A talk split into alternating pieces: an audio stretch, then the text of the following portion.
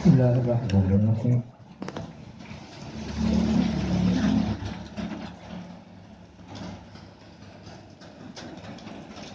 الحمد لله رب العالمين وبه نستعين على أمور الدنيا والدين والصلاة والسلام على أشرف الأنبياء والمرسلين سيدنا وحبيبنا وشفيعنا وقرة أعيننا ومولانا محمد. وعلى آله وصحبه والتابعين وتابع التابعين ومن تبعهم بإحسان إلى يوم الدين. سبحانك لا علم لنا إلا ما علمتنا إنك أنت العليم الحكيم. رب اشرح لي صدري ويسر لي أمري. واحلل عقدة من لساني يفقه قولي. آمين يا رب العالمين. أما بعد. Lanjutan dari yang kemarin. Setelah para sahabat yang total jumlahnya 80-an orang mereka berangkat diperintahkan Rasulullah menuju Ethiopia Afrika Habasyah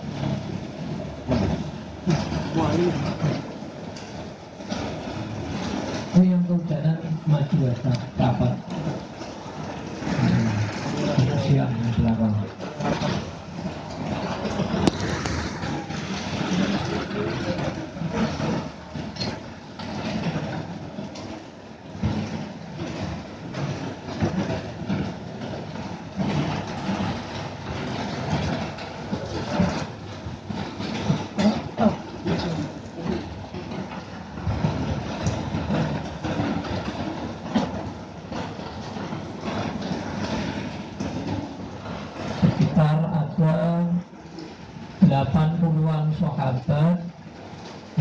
yang diperintahkan Rasulullah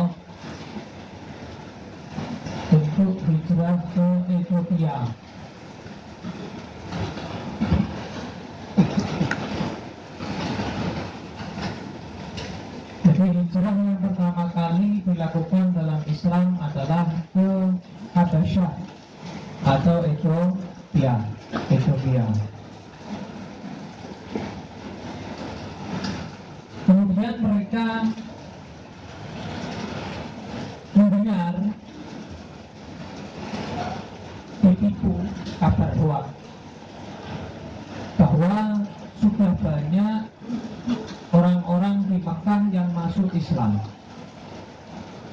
Sehingga orang-orang di Ethiopia benar senang. Balik bagian nggak semua. Bagian balik. Ketika dekat sama Makkah sudah hampir sampai Makkah kok ternyata gondi? Kok ternyata salah sangka? Wah. Maka ada yang kembali ke Ethiopia ada yang memberanikan diri masuk ke kota Makkah tapi dengan perlindungan. Minta perlindungan saudaranya minta perlindungan kepala suku atau ada yang sembunyi-sembunyi nekat. Sembunyi-sembunyi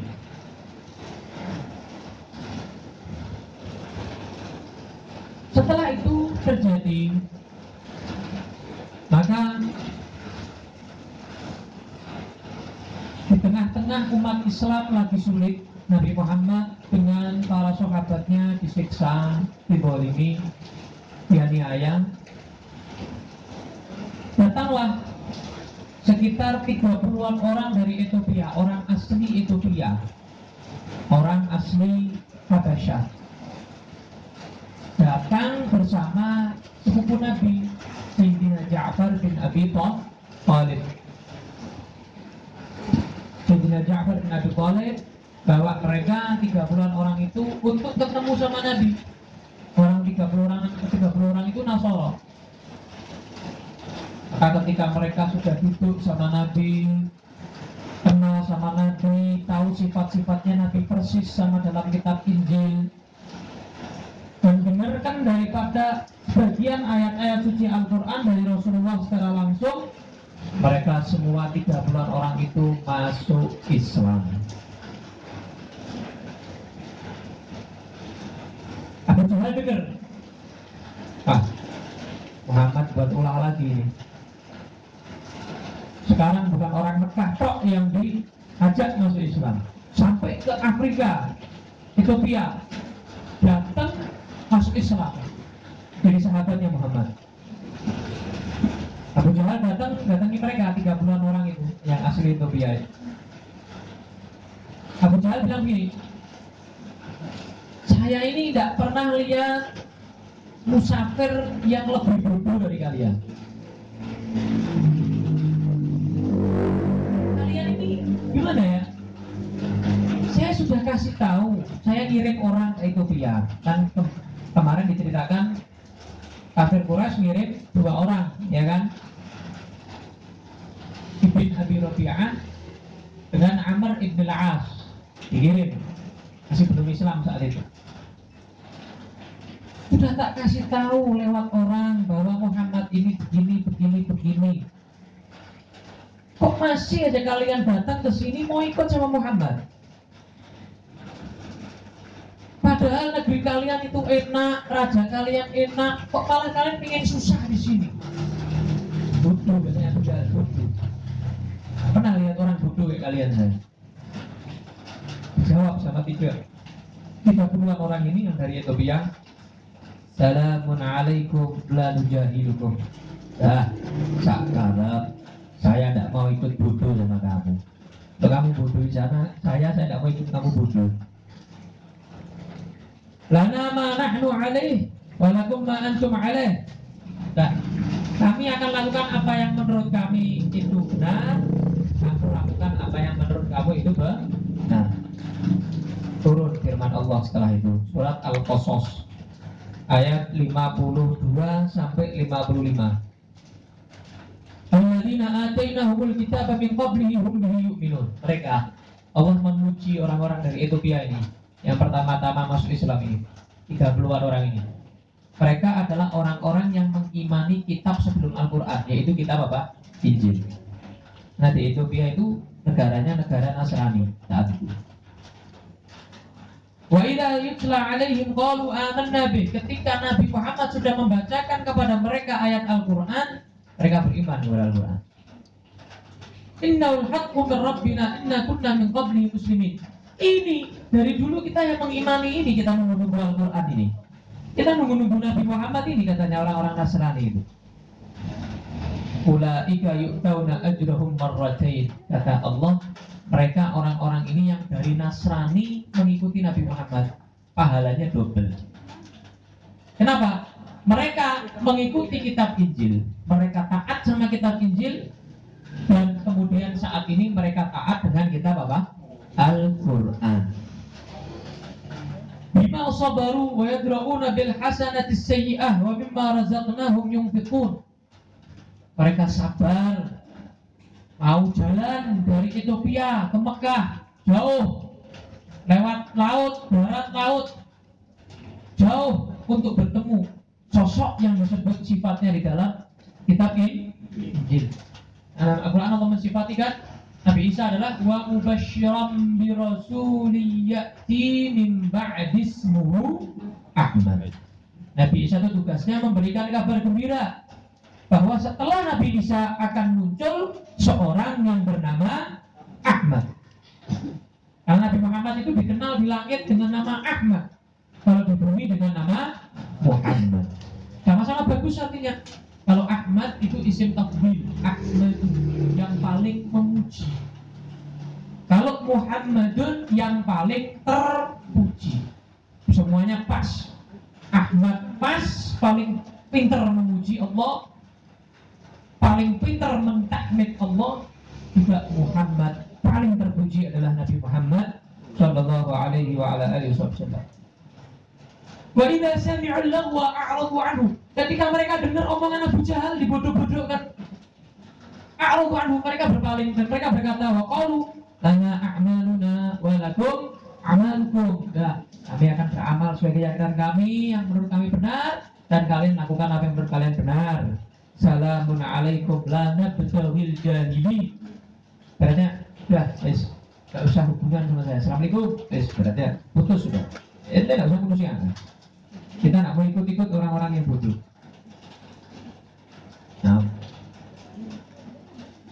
Ini adalah pertama kali apa eh, tamu yang datang ke Rasulullah dari luar negeri untuk masuk ke agama Islam ini pertama kali 30-an orang.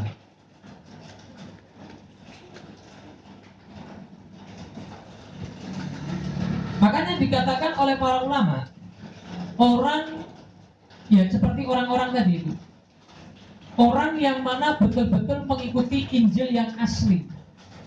Terus dia mengimani Nabi Muhammad dia nggak berpindah agama. Sama Islam. Injil ya Islam. Ya Taurat ya Islam yang asli. Sebelum ditahrif dirubah. Jadi orang mengikuti Injil Nabi Isa dengan keaslian agama Nasrani ya dia Islam Muslim. Makanya Allah sebut mereka Muslimin Islam mereka orang Muslimin. Ketika mereka mengikuti Al-Quran mereka hanya melanjutkan ibaratnya Injil bersambung gitu ya. Taurat bersambung muncul Injil bersambung muncul Al-Quran. Titik berapa ya makanya Nabi Isa nanti turun menyampaikan Injil wes ra ono. Nabi Isa mengajarkan Al-Quran. Orang-orang Nasrani semua nanti diajak obat kalau Nabi Isa alaihissalam mengikuti Al-Quran jadi mereka bukan berbeda agama orang-orang Ethiopia ini melanjutkan kepercayaannya. Ya continue dari Injil ke Al-Quran sama sama. Kitab-kitab sucinya Allah subhanahu wa ta'ala. Makanya Allah subhanahu wa ta'ala memerintahkan di saat itu masih keaslian masih ada asli Taurat dan Injil Allah merintahkan mereka Kul ya ahlul kitab. Hei orang-orang ahlul kitab. Ahlul kitab itu orang yang menganut Taurat dan Injil. Lastum ala syait Kalian ini bukan apa-apa. Gak bernilai apa-apa. Hatta tuqi'ut Taurat wal Injil. Sampai kalian betul-betul Mengamalkan isi Taurat dan Injil. Nah termasuk mengamalkan isi Taurat dan Injil apa? Isinya adalah diutusnya Nabi akhir zaman Nabi Muhammad Sallallahu alaihi wa ala alihi wa sahbihi dagang. Jadi agama itu mulai Nabi Adam satu Islam. Gak ada agama dua itu gak ada. Satu Islam. Nah, kemudian setelah itu di tahun ke-10 setelah diutusnya Nabi. Jadi Nabi Muhammad umur 50 tahun. Kalau ada Nabi. Di tahun itu, tahun yang sama, saat Nabi umur 50 tahun meninggal istrinya, Sayyidah Khadijah radhiyallahu anha. Di tahun itu juga meninggal pamannya yang selalu melindungi Nabi. Siapa? Abu Talib meninggal juga.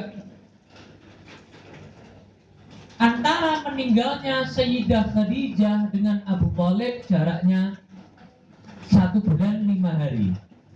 Tidak, tidak lama baru ditinggal Sayyidah Khadijah satu bulan lima hari. Abu Talib meninggal.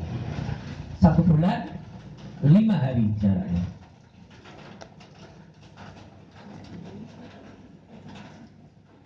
Ketika Sayyidah Khadijah meninggal Nabi sedih kecintaan Nabi. Ditambah lagi Abu Talib meninggal yang selalu melindungi Nabi menjaga Nabi mulai masih kecil ya ibaratnya orang tua sendiri. Dianggap orang tuanya sendiri sudah meninggal. Nah, orang-orang semua. Orang-orang kafir kurang senang nah harus yang kayak gitu tidak ada yang backup sudah ini. Tidak ada yang melindungi sudah ini Muhammad ini. Khadijah ada. Khadijah dengan hartanya sampai lama. Abu Talib dengan kewibawaannya dan dia sesepuh ibaratnya. Sudah tidak ada. Wis Muhammad tidak ada sudah yang melindungi. Siapa mau melindungi Muhammad? Tidak tidak ada. Abu Talib tidak ada. Waktu yang dekat. Mereka mengambil tubuh. Di atas kepala Nabi dikasih syukur. Syukur. Berarti disyukur Nabi? Syukur. Nabi Shallallahu Alaihi Wasallam nggak marah. Nabi SAW beliau pulang. Debu yang ada di tubuh Nabi dibersihkan oleh putrinya. Shallallahu Alaihi Wasallam. Putrinya nangis. Nabi bilang, lihat suatu saat Allah akan menampakkan agama ini. Sallallahu alaihi Nabi. Nah, akhirnya tahun itu dinamakan tahun apa? Amul Huzni. Amul Huzni. Tahun kesedihan. Tahun apa? Kesedihan. Pertama-tama begini. Kenapa Allah ambil Abu Talib? Karena kalau Abu Talib terus-terusan ada, nanti akan ada yang menyangka bahwa apa? Agama Islam ini jasa daripada Abu Talib. Agama Islam ini adalah perlindungan dari Abu Talib. Padahal perlindungan dari siapa? Allah langsung. Padahal backingan dari siapa? Allah langsung. Supaya tidak ada orang yang meyakini seperti itu diambil sama Allah Abu Talib dibunuh. Meninggal Abu Talib. Ya Nabi sendirian, Allah yang jaga Nabi. Bukan Abu Talib, bukan siapa. Supaya tidak ada keyakinan-keyakinan seperti itu.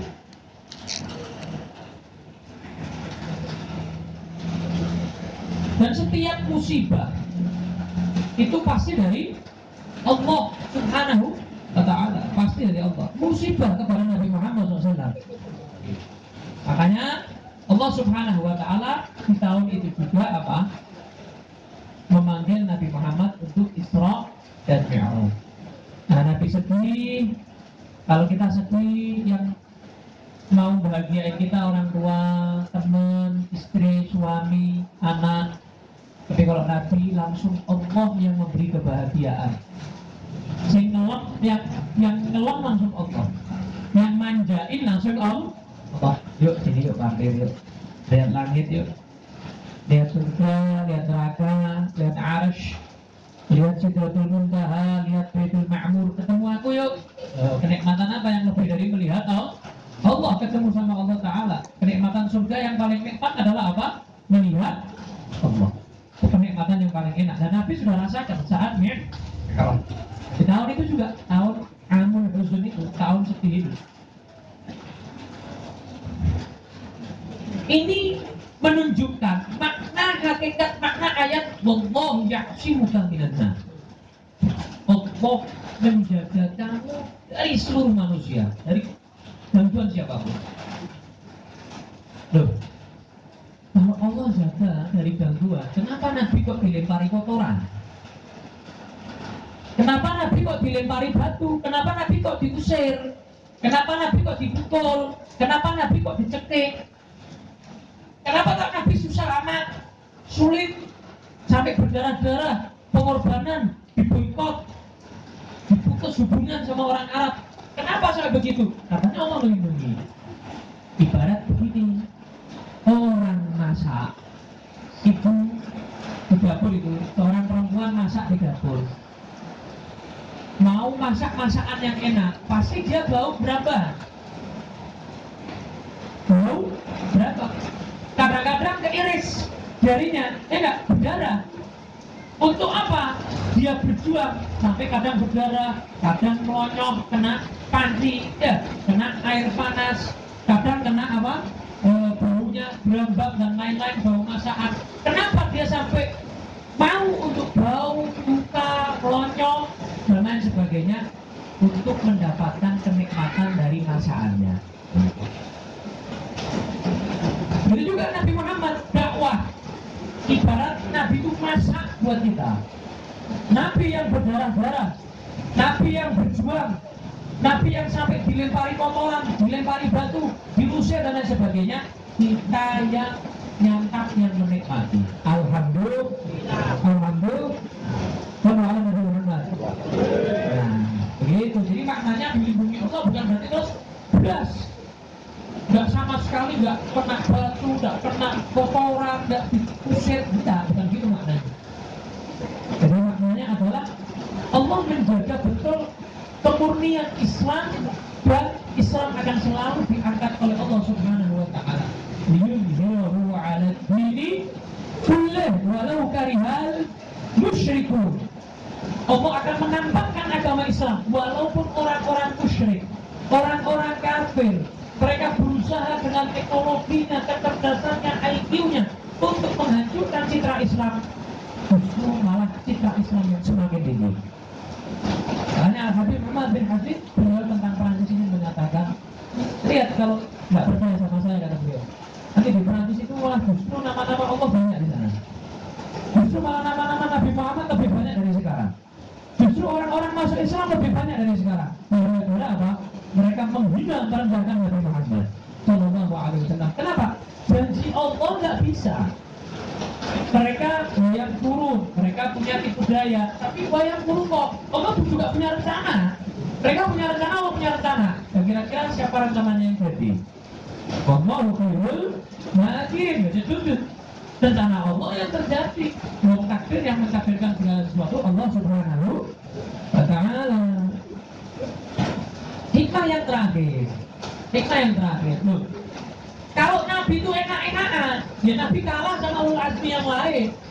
Loh, Nabi Ayub susah, Nabi Nuh susah, Nabi Ibrahim susah, Nabi Isa susah, ya? Nabi Musa susah, berat. Dan Nabi Muhammad masa mau pemimpin para rasul enak-enakan? Enggak. Justru Nabi Muhammad yang paling su susah, terasakan lebih kesusahan daripada mereka. Dan juga umatnya, ulama, pewarisnya juga enggak pengen enak-enaknya kok. Kalau seandainya Nabi Muhammad enak, para ulama susah. Enggak mau. Tapi kenapa para ulama mau dicaci maki, difitnah, diadu domba, dibunuh? Sayyidina Ali dibunuh, Sayyidina Umar dibunuh, Sayyidina Utsman bin Affan dibunuh, ya. Sayyidina Hasan diracun, ya enggak? Perjuangan. Kenapa? Karena itu juga warisan dari kakeknya. Warisan. Jadi bukan cuma ilmu warisannya, rasa sakitnya pun juga merasa merasakan para ulama itu warasatul ambia pewaris para nabi bukan enaknya toh terus enaknya toh ngeblok naik mobil dijemput ya punya pondok misalnya punya santri followernya banyak yang suka banyak yang undang banyak. Nggak tahu apa yang dia pikirkan. Nggak tahu apa yang ada di pikirannya yang ada di dalam batinnya. Ya, seperti para wali itu mereka kelihatannya guyu di depan kita. Tapi kalau di hadapan Allah apa? Nah, nangis. Di umatnya, nangis si jamaahnya. Khawatir kalau jamaahnya jadi beban buat mereka. Dari enggak amat bukan malah menjadi penolong tapi jadi beban nah jadi para ulama bukan hanya mewarisi ilmu dari Nabi atau rahasia dari Nabi. Mereka juga mewarisi rasa sakit yang pernah dirasakan oleh Nabi sedikit dirasakan oleh para ulama gak banyak masih sedikit karena Nabi itu totalitas Sallallahu alaihi wa ala alihi wa sahbihi wa sallam akhirnya turut ayat surat Al-An'am ayat 35 Surat ini memberikan kabar gembira kepada Nabi Muhammad Sallallahu Alaihi wa ala alihi Wasallam bahwa kamu jangan sedih. Ada aku, juara itu. Ada aku. Masa sedih wahai Nabi Muhammad? Kamu ditinggal Khadijah, kamu ditinggal Abu Talib, kamu dikucilkan, orang-orang tambah senang ketika Khadijah dan Abu Talib meninggal. Karena susah, ada aku kok. Nabi Muhammad. Ada yang paling setia dengan Nabi Muhammad, gak pernah ninggalkan Nabi Muhammad yang maha ke kekal, yang maha menolong, gak ditinggalkan Nabi Muhammad kok. ووجدك ضالا فهدى ووجدك عائلا فأغنى selalu dituntun oleh Allah Subhanahu. Wallahu a'lam bishawab. Sallallahu alaihi wa sallam Muhammadin wa ala alihi wa sahbihi wa sallam. Alhamdulillahirabbil alamin.